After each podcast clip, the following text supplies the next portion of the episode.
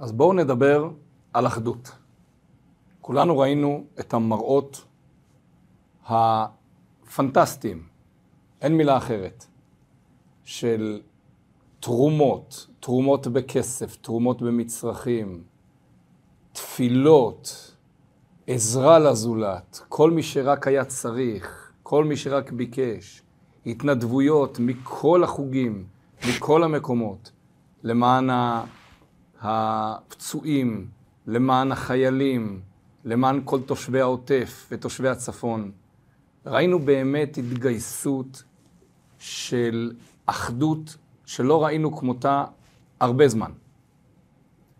אבל השאלה, איך אנחנו ממשיכים את האחדות הזאת גם לתוך חיי היום-יום? בסוף, אנחנו נצטרך לחזור לשגרה.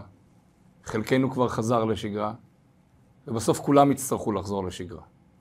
החיים ממשיכים, ויש עבודה, ומשפחה, ילדים, לחנך, לעשות, ליצור, הכל דברים מאוד טובים, וזה מחזיר אותנו לתוך שגרה. איך לוקחים את האחדות הזאת, שהייתה מנת חלקנו בשבועות האחרונים, וממשיכים אותה לתוך החיים עצמם? או במילים אחרות, כל הפילוג והשיסוע שהיה לפני שמחת תורה, איך אנחנו נדאג שהוא לא יחזור? לא יחזור לטלוויזיה, לא יחזור לרדיו, ובעיקר לא יחזור לתוך החיים שלנו, ואנחנו לא ניתן לו לחזור לתוך החיים שלנו, החיים המהותיים כאן בארץ ישראל. בשביל זה צריך לחשוב, צריך להתבונן וצריך לקבל החלטה מאוד ברורה. כל אחד בחיים שלו, כל אחד איפה שהוא מסתובב, כל אחד עם מי שהוא מדבר. החלטה מאוד ברורה על המחנה המשותף שלנו ועל העובדה שבסופו של דבר אנחנו עם אחד. אז בואו נתחיל מההתחלה, נתבונן בדבר הזה, וכשנגיע למסקנות ברורות יהיה לנו קל יותר בחיים עצמם. כשבאים לבנות קבוצה, שבט, קבוצה, מדינה, עם, מוכרח שלקבוצה הזאת יהיה מחנה משותף. המחנה המשותף גורם להם להגן אחד על השני. יוצר אהבה משותפת, אינטרס משותף ותחושה של שייכות שיוצרת קבוצה אחת שאי אפשר לחלק אותה. וברגע שאי אפשר לחלק אותה, כוחה באחדותה, והאחדות הזאת היא המנוף שלה במלחמות נגד כל האויבים שמקיפים אותה. בין אם מדובר על קבוצה קטנה, קבוצה יותר גדולה, מדינה וכולי. מה המחנה המשותף שלנו כאן בארץ ישראל, או בעצם בגדול של כל העם היהודי? אבל אנחנו נדבר כרגע על ארץ ישראל. מה המחנה המשותף שלנו? אז עצם הישיבה שלנו כאן לא בהכרח מהווה הוכחה למחנה משותף. יש אנשים שנולדו כאן, דור שלישי, רביעי, יש גם דור עשירי שנולד בארץ ישראל, ועצם הישיבה שלו בארץ ישראל לא בהכרח אומרת שהוא מרגיש בעל מחנה משותף עם כל אלה שיושבים בארץ ישראל. יש גם לצערנו ערבים שיושבים בארץ ישראל. ויש דעות חלוקות בתוך ארץ ישראל, עם מגוון של דעות, והדעות החלוקות האלה הם אדרבה לא המחנה המשותף, אלא המחנה המפריד. עכשיו, אנחנו ראינו בשמחת תורה האחרון התגייסות של כל האוכלוסייה היהודית אחד למען השני. אנשים נסעו מהצפון לדרום, אנשים יצאו באמצע חופשים, אנשים באו בטיסה מחוץ לארץ לארץ, אנשים מסרו את הנפש, שמאלנים למען ימניים, ימניים למען שמאלנים, אנשי הכפר לטובת אנשי העיר, אנשי העיר לטובת אנשי הכפר, יהודים, חרדים, לטובת יהודים חילונים, אם יש בכלל כזה דבר. פתאום התגלה משהו שהוא מעל הכל. משהו שלא שואל האם אתה איש כפר, איש עיר, האם אתה ספרדי או אשכנזי, האם אתה דתי או אתה חילוני. האם אתה חובש כיפה, לא חובש כיפה, מצביע למפלגה ההיא, לא מצביע למפלגה ההיא, פתאום התגלה משהו הרבה הרבה הרבה יותר גבוה. למשהו הזה קוראים יהדות. פתאום כל היהודים גילו שהערבים שונאים אותם שנאת מוות, ומוכנים להרוג אותם בכל צורות המוות האכזריות ביותר, והעיקר לחסל אותם מהעולם. המגמה, מי ששמע, המגמה של כל אלה שנכנסו לארץ בשמחת תורה, של כל הערבים, של כל החמאסניקים האלה, יימח שמם, הייתה ליצור פה פעולה שמתמשכת על פני שבועות, של הרס וחורבן כללי בכל ארץ ישראל, של מוות של עשרות אלפים, כמות הנשק שהם נכנסו איתו, כמות הציוד, כמות המים, כמות התרופות, מעידה שהם רצו לשהות כאן זמן רב מאוד ולבצע את זממם. חסדי השם, הקדוש ברוך הוא הציל אותנו מההרג והחורבן שיכלו לבוא אחר כך. זה לא אומר שאנחנו מקילים ראש, חס ושלום, במי שכן נעקד על קידוש השם, ואנחנו בוכים ומצטערים יום ולילה על הדבר הזה. אבל צריך להבין שזה יכול להיות הרבה יותר גרוע, השם ישמור. מה חשב אותו חמאסניק שנכנס? זה כבר גם מופיע בכתובים, הם שמו על עצמם פתקים שבה, בהם בפתקים האלה יש הוראות ברורות ואידיאולוגיה ברורה. המטרה הייתה להשמיד, להרוג ולאבד את כל מי שנמצא בדרכם, בתנאי שהוא יהודי. לא כוון לערבים, לא כוון לדרוזים, לא כוון לאף אחד אחר, חוץ מהיהודים. זאת אומרת, שאם המחבלים יימח שמם כיוונו את הכל כדי להרוג את היהודים, המחנה המשותף בין כל היהודים הוא היהדות. לא כיוונו רק לשמאלנים, לא כיוונו רק לימניים. בעוטף יש המון אנשים עם אידיאולוגיה שמאלנית, המון אנשים שלא חובשי כיפה, המון אנשים שקוראים לעצמם חילונים. זה לא מעניין את המחבל. זה לא מעניין אותו אם יש לך כיפה על הראש או אין לך כיפה על הראש, מעניין אותו דבר אחד. אם אתה יהודי, אתה בן מוות. זאת האידיאולוגיה של החמאס, ואין בלתה. אז אחרי כל המחלוקות שהיו כאן, בין דתיים לשאינם, בין ישראל הראשונה לישראל השנייה, אשכנזים, ספרדים, באו המחבלים האלה, יימח שמם, ופשוט עשו סוף פסוק לכל הסאגה הזאת, ואמרו, חבר'ה, זה בכלל לא מעניין. אתה יהודי, אתה צריך למות. לא מעניין שום דבר אחר. אוקיי. חבל שהיינו צריכים לשמוע את זה ממישהו שקם עלינו להורגנו בצורה כל כך אכזרית. אבל שמענו, ראינו, ואנחנו צריכים להפנים. זה אנחנו האמיתי, לא מה אנחנו לובשים, אין שום מחנה משותף בצורת הלבוש שלנו, לא בשפה שלנו, לא בחשיבה שלנו, לא בכמה מצוות אנחנו מקיימים כן או לא, לא בגוון האור שלנו, אשכנזים, ספרדים, שום כלום. כל הדברים האלה הם כקליפת השום, אין להם שום משמעות. כי ביום הדין הם לא יעלו ולא יורידו אפילו לא כמלוא נימה. אז אם אנחנו רואים את זה כל כך חד, אנחנו חייבים להפנים את זה. לא רק בהתגייסות של שבוע, שבועיים, שלוש, לטובת כל מה שקורה, אלא בהפנמה מושכלת, שבאמת אין אשכנזים ספרדים. זאת המצאה. שבאמת אין חילוני ודתי, זאת גם המצאה.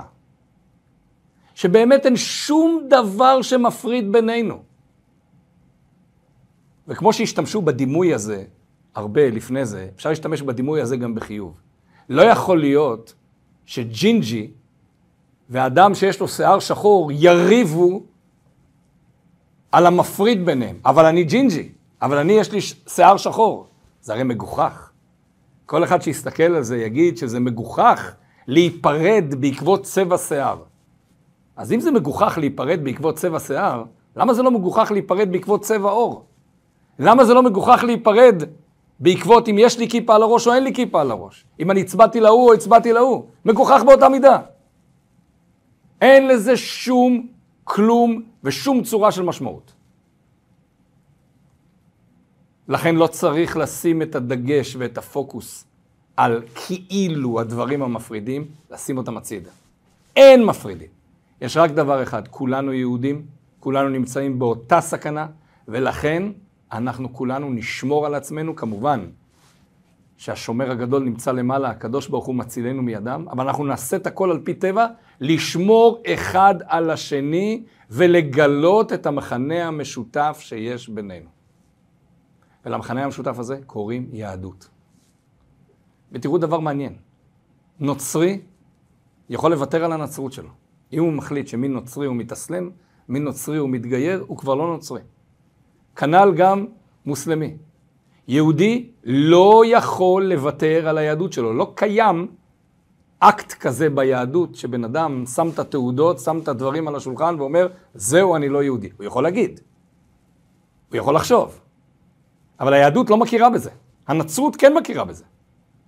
האסלאם מכיר בזה. היהדות לא מכירה בזה. ולמה? כי זה משהו כל כך פנימי ועמוק, שגם אני עצמי לא יכול לוותר עליו. והמשהו הזה שקוראים לו יהדות, הוא לצנינים בעיני כל השונאים שלנו. כבר אמר צ'רצ'יל, אמרה שהוא אמר אותה כאמרת כנף, אבל בעצם באמרה הזאת יש המון עומק.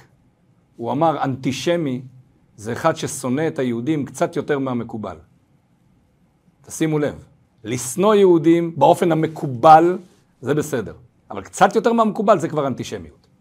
כולם שונאים אותנו, מי יותר, מי פחות. שמחת תורה האחרון גילינו את השונאים העיקריים שלנו, שזה החמאס יימח שמו. והוא גילה לנו שאנחנו באמת עם אחד. ובואו נחזור למגילה. בואו נחזור איך מתחיל כל הסיפור בפרס של פעם, אצל אחשורוש. המן מגיע לאחשורוש ואומר, ישנו עם אחד מפוזר ומפורד בין העמים. הוא לא מדבר רק על פיזור גיאוגרפי, על פני 127 מדינות. הוא מדבר על פיזור אידיאולוגי. הוא מדבר על פיזור בחשיבה. אנשים שכבר לא הרגישו שייכים לאותה אומה. לא הרגישו שייכים ליהדות. והמן שם את הפוקוס על הדבר הזה ואומר, אם אתם מפוזרים ומפורדים, יש לי את ההזדמנות, את היכולת להשמיד, להרוג ולאבד את כל היהודים. הצאצאים של המן זה ברור, האיראנים יימח שמם, שמנסים להשמיד אותנו וזיהו את המחלוקת, במרכאות כפולות, את הריב ואת המדון ואת המחלוקת בינינו שהיו לפני שמחת תורה, והיו כאן כבר על פני כמה וכמה וכמה חודשים. והתסיסו את המחלוקת הזאת. ולצערנו גם ישנם יהודים שמשתפים פעולה עם ההתססה הזאת. וצריך להתפלל ולבקש עליהם רחמים, שהשם יאיר את עיניהם. אבל במקביל לזה, אנחנו צריכים לעשות מעשה הפוך. להילחם בתופעה הזאת. מה אמרה אסתר במגילה? לך כנוס את כל היהודים, היא אומרת למרדכי. שוב, לא רק כינוס גיאוגרפי, תכנס אותם לאותה נקודה, תכניס אותם לאותה נקודה.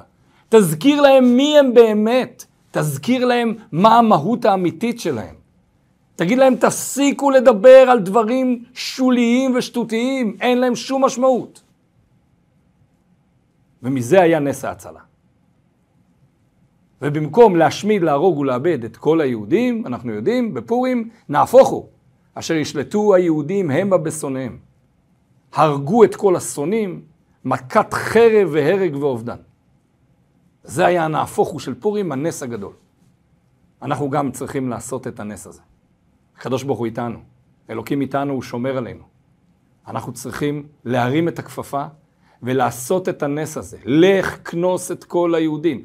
כל אדם שחושב על יהודי אחר שהוא לא אח שלו, שיתבונן בדבר הזה. שיתבונן בדיוק בזה שהחמאסניק לא מעניין אותו מה אתה חושב, הוא יהרוג את שניכם, השם ישמור באותה מידה, עם אותו גרזן. לא יעניין אותו שום תירוץ. אבל אני שמאלני, מה אתה הורג אותי? היה פורסם, היה בתוך החטופים, יש בתוך החטופים זוג שהיה מסיע פצועים או חולים מעזה לבתי חולים בתוך הארץ. גם אותם חטפו. ולא עניין אף אחד מי הם ומה הם. זה בדיוק הנקודה. אתה יהודי, אתה בן מוות. אם ככה, אז אני צריך להתאחד עם כל היהודים, ולו רק בגלל היהדות שלהם, ושום דבר אחר לא נוגע. זאת הדרך שגם כשנחזור לשגרה, נצליח לשמור על האחדות הזאת. ולא נצטרך חס ושלום חמאסניקים יימח שמם שיזכירו לנו את הדבר הזה. אנחנו בעצמנו נזכור בדיוק מה חשבנו באותו שמחת תורה. אנחנו בעצמנו נזכור בדיוק את המחנה המשותף האמיתי לנו. לנו, ליהודים, לא לאף אחד אחר מסביב. ולא משנה מי גר פה עוד בארץ, זה יכול להיות אנשים טובים, זה יכול להיות אנשים שמשרתים בצה"ל. מחנה משותף של יהדות, אין לי איתם. יש לי רק עם אחי היהודים. וכהרגלנו, לחבר כל דבר לפרשת השבוע, על פי האמרה הידועה של בעל התניא, שצריך לחיות עם הזמן, שהכוונה לחיות עם פרשת השבוע. פרשת השבוע, פרשת וירא, מדברת על זה שאברהם אבינו, למרות שכאב לו מאוד הברית מילה, ולמרות שהוא היה ביום השלישי למילתו, שזה היום הקשה ביותר מבחינת החלמה, הוא יצא לחפש אורחים. וגם כשאלוקים התגלה אליו, וירא אליו השם, באלוני ממרא, אבל כשהוא ראה אנשים שנדמים בעיניו כאורחים, למרות שהם היו מלאכים, הוא עזב את הכל והלך לקבל את פניהם ולהכניס אותם לתוך האוהל שלו. ומזה אמרו חז"ל, גדולה הכנסת אורחים יותר מקבלת פני השכינה. שימו לב, קבלת פני השכינה. מי זוכה לכזה דבר? זה הרי אירוע חד פעמי. אורחים, יש, אין, הכל בסדר. אז לא נכניס את האורחים האלה, נכניס את האורחים עוד שעה. מה יקרה? מה יכול כבר לקרות? התשובה היא שאברהם אבינו ראה את הפוטנציאל שטמון בכל אורח להפוך להיות חלק מהזהות האלוקית של ברכו כל עולם שאכלנו משלו. מכיוון שהוא זיהה את זה אצל כולם, הוא עזב את אלוקים והלך להכניס אורחים. כי אלוקים ציווה עליו לגלות את האחדות הזאת בכל הבריאה. איך שלמעשה כל בני האדם בבריאה אומרים ברוך כל עולם שאכלנו משלו. אז בזמן אברהם אבינו באמת לא היה עדיין יהודים. אברהם אבינו זה היהודי הראשון, או שזה אחר כך מתפתח במתן תורה, ביציאת מצרים וכולי. אבל היום, דבר מאוד ברור. היום, קבלת פני השכינה, כלומר ההתגלות האלוקית, עוברת דרך מציאת המכנה המשותף אצל היהודי השני. במקום לספר לו כמה הוא שונה ממך, וכמה אתה מסתכל על המחלוקת ביניכם, תספר לו כמה הוא אחיך. וכשאתה תשדר באופן חזק וברור שהוא אחיך, כי הוא יהודי, הוא יהיה מוכרח לחשוב באותה צורה של חשיבה. כי כבר שלמה המלך אמר, כמה עם הפנים אל הפנים, כן לב האדם אל האדם. אם אנחנו נשדר את זה בצורה אמיתית, זה גם יקרה אצל הזולת. חזקה לתעמולה שאינה חוזרת ריקם. לעשות עוד ועוד לטובת האחדות הכוללת של עם ישראל. לא לוותר על זה. לא לחזור בשום פנים ואופן לשיח של ימין ושמאל וחרדים וחילונים ומזרחיים ואשכנזים, שום צורה. לא לקבל את זה. להחליט החלטה ברורה שמעכשיו כל דבר שהוא לא יהדות, לא מעניין.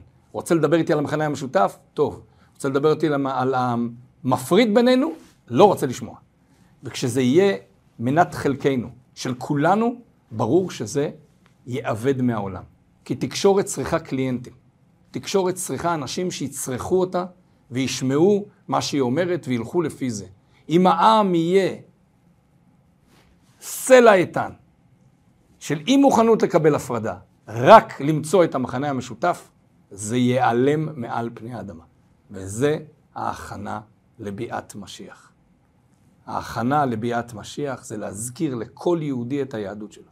ממילא כשהנשמה שלו תתעורר, הוא כבר בעצמו ירצה לשמוע על מצוות, על תפילין, אצל נשים, על הדלקת נרות שבת.